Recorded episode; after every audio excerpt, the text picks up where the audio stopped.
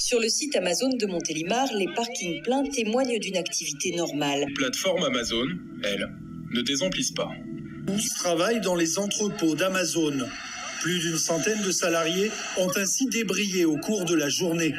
Amazon har under våren blivit omtalat i de stora franska medierna.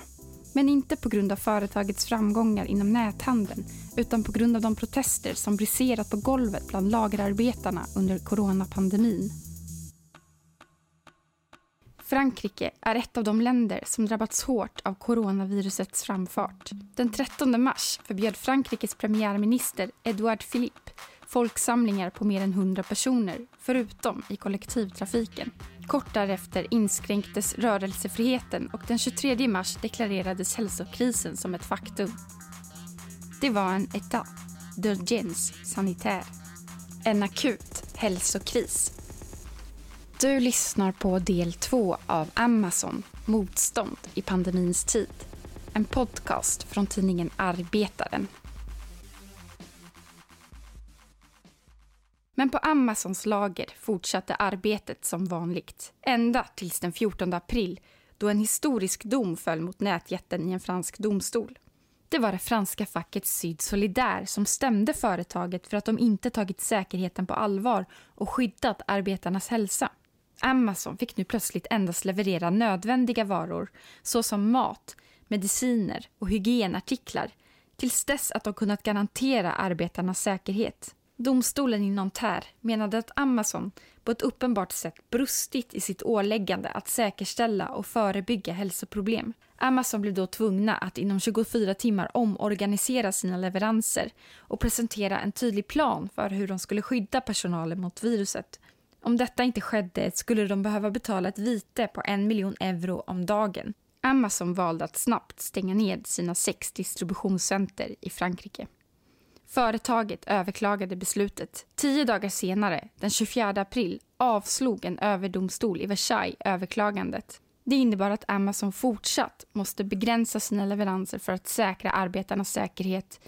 Men sortimentet utvidgades också till att omfatta djurfoder, kosmetika och högteknologiska produkter. Men då Amazon valt att stänga sina distributionscenter i Frankrike ökar pressen på golvet i andra länder i Europa då ordrarna där ökar. Je m'appelle Jean-François Béraud et je travaille à Saran, à Amazon, depuis 2011, depuis 9 ans. Jean-François Béraud säger att han arbetat på Amazon i Saran sedan i november 2011, i nio år. Eh ben, mon... Alors moi, je faisais euh, du pic et du pack depuis euh, quasiment... Han har arbetat med plock och pack sedan dess. På de åren har arbetet förändrats. Eh ben, j'ai essayé de m'impliquer parce que j'étais dans une bonne équipe, si tu veux. J'étais avec un manager qui pouvait nous appeler le matin quand il y avait... Jean-François Béraud säger att han från början arbetade i ett bra team med varierande uppgifter. Också hans arbetsledare var lyhörd för arbetarnas önskemål. Et puis au bout de deux ans, eh ben, notre équipe qui a battu tous les records qu'on lui a demandé, Efter två år splittrades teamet och arbetet förändrades. Jean-François Béraud säger att han numera känner sig som ett nummer. Jobbet har också blivit tyngre. puis, euh, puis en plus on s'use physiquement, on-. Et euh, moi, c'est à cause des problèmes physiques que je suis rentré dans le syndicat. Jean-François Béraud säger att det främst var på grund av den fysiska belastningen som han gick med i facket. Sedan flera år är han med och driver fackliga frågor för Amazonarbetare i Frankrike och internationellt. Jag frågar honom vad det inneburit att facket vunnit i rätten. C'est une décision importante pour les travailleurs parce que euh, la justice met en avant la santé et la sécurité des travailleurs et la- du coup la santé publique aussi avant les intérêts économiques de grandes entreprises comme Amazon. Jean-François Béraud menar att det är viktigt att rättsväsendet i Frankrike förstår vikten av att sätta människors hälsa före ekonomiska intressen hos företag och att arbetare skyddas. Han säger att det verkar som om Amazon inte längre kan göra som de vill eftersom att lagen nu begränsar dem. I ett mejl till Arbetaren hänvisar Amazons pressekreterare i Frankrike, Céline Mandous, till ett pressmeddelande från företaget efter domen i Versailles den 24 april. Beslutet understryker faktumet att det inte handlar om säkerheten utan snarare att vissa fackföreningar fördröjer processen för sin egen agenda. Vi har involverat arbetarråd från början och vi är stolta över hur många förändringar som vi gjort tillsammans för att våra team ska känna sig säkra när de ger service åt kunder i Frankrike och resten av världen. Domstolsbeslutet innebär att vi riskerar böter på mer än en miljard euro per vecka och tyvärr innebär det också att vi inte har något annat val än att fortsätta med den tillfälliga stängningen av våra franska distributionscenter. Franska kunder kommer dock fortfarande att kunna beställa miljoner av produkter från våra marknadsförsäljare och vårt globala nätverk. Men just på grund av detta, på grund av att Amazon tillfälligt stängde ned sina logistikcenter i Frankrike, ökade ordrarna i andra länder. Amazon utnyttjade sitt europeiska logistiska nätverk för att hålla verksamheten igång. Inte minst blev detta tydligt i Tyskland där leveranserna till och från Frankrike ökade. My name is Christian. Uh, I live in Germany, Bad Hersfeld, which is right in the middle of Germany.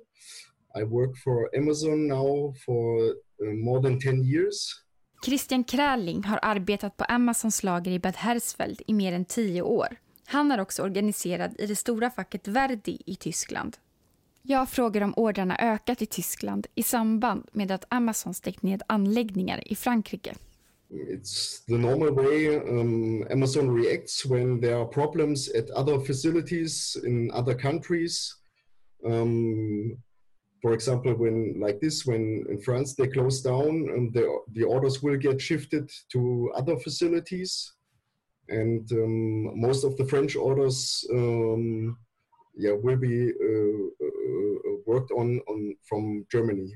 Christian Kräling säger att detta är det normala sättet som Amazon reagerar på när det är problem med distributionen i något land. Han säger att många av de ordrarna som egentligen skulle levereras från franska distributionscenter nu istället hanteras i Tyskland. So how do you notice that at your facility in Bad Hersfeld? Well, um, we see it uh, if, if a lot of orders come from or, or have to go to, to France. You know, the, there is an increase in orders uh, which are going to France. We see it in the facility. Christian Kräling säger att det blir tydligt på hans arbetsplats i Bad Hersfeld. Jag frågar vad som varit det största problemet för lagerarbetarna på golvet i Tyskland under coronapandemin. Um, the main problem, or maybe the two main problems, are uh, the one is that um, we're not sure if we're getting the right information on how many people are, affect, are infected with the virus. Um, there are a lot of rumors and people feel unsafe. They don't know whether they got in contact with somebody who got infected or not. Han säger att ett av de största problemen är bristen på information från företaget och att de anställda inte vet hur många som blivit smittade av viruset. Det går många rykten och anställda känner sig inte trygga. Yeah, and the other problem is that all the schools and kindergartens are closed, so uh, now for almost two months, and it will go on. And yeah, we have a lot of single mothers, a lot of parents uh, working in our facility who don't know how to deal with it. So they, they were able to manage it somehow with taking vacation or um, taking time off, taking also unpaid time off. Christian Kräling menar att ett annat stort problem är att skolorna i Tyskland är stängda sedan två månader. Många ensamstående mammor vet inte hur de ska hantera problemet med att ta hand om barn och jobba på samma gång. De tar ut semester i förtid eller tar ledigt utan att få ersättning. When they have to take care of the children but still have to work, how do they? Uh, they they approach the management. They they ask about uh, the man. They ask the management about um, how to deal with it. But but sometimes they just say so.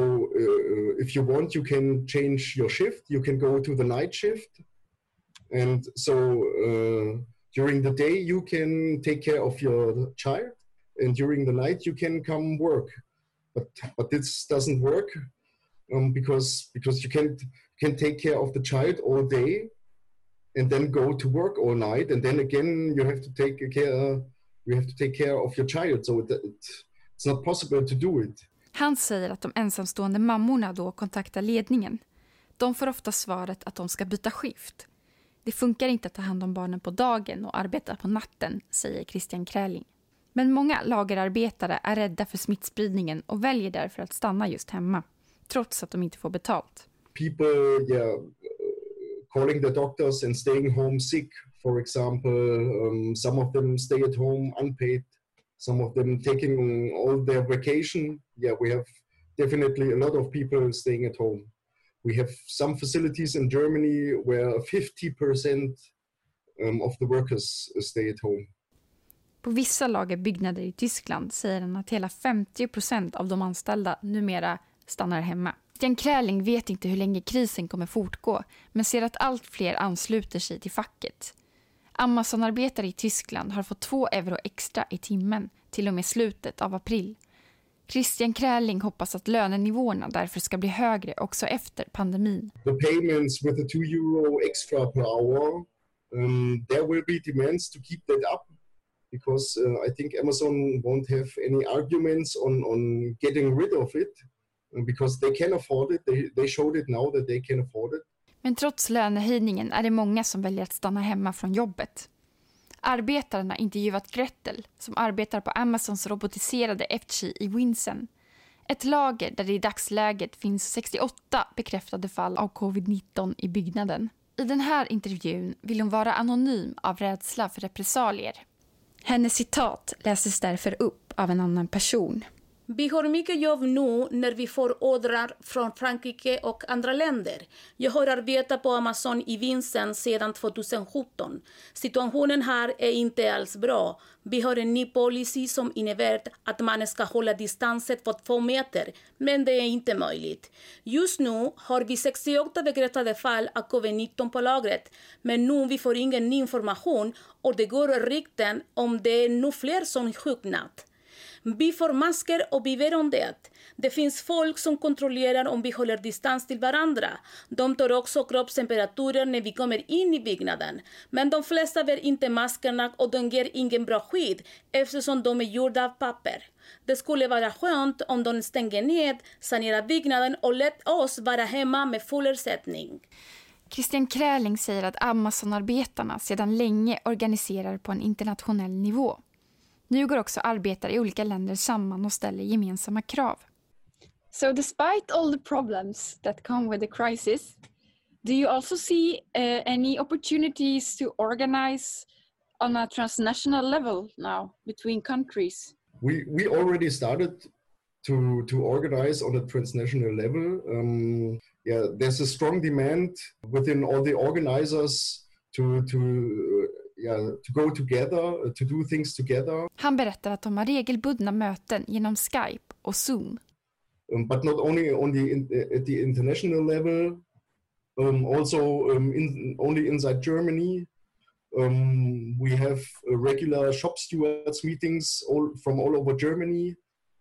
Um, so, and I think so because this crisis forces all the people to stay home and then they are forced to use these media but also see the chances um, we have with this media to organize. Krisen tvingar folk att stanna hemma och då tvingas de använda social media på ett annat sätt men också upptäcka möjligheterna med detta, säger han. Amazon-arbetare i många länder har därför börjat organisera regelbundet över internet i spåren av coronapandemin. peut servir de support à tous les camarades euh, étrangers euh, à New York, à Chicago, à Poznan en Pologne, enfin sur les, tous les sites polonais, en Allemagne, en Italie. Detta är också något som Jean-François Bereau från det franska facket Syd Solidar understryker. Han säger också att rättegångsbeslutet i Frankrike är en viktig seger eftersom att det visar att man kan vinna mot Amazon och stora företag om man är beslutsam. Han säger att det kan kännas som ett stöd för arbetare på andra platser i New York, Chicago, Poznan, ja överallt i Polen, Tyskland, Italien och många andra länder. Du lyssnar på Amazon, Motstånd i pandemins tid. En podcast av tidningen Arbetaren. Jag som har gjort podcasten heter Julia Lindblom. I nästa avsnitt ska vi höra nya röster från andra länder. Glöm inte att läsa våra reportage om rättegångsbeslutet i Frankrike och våra andra artiklar på temat.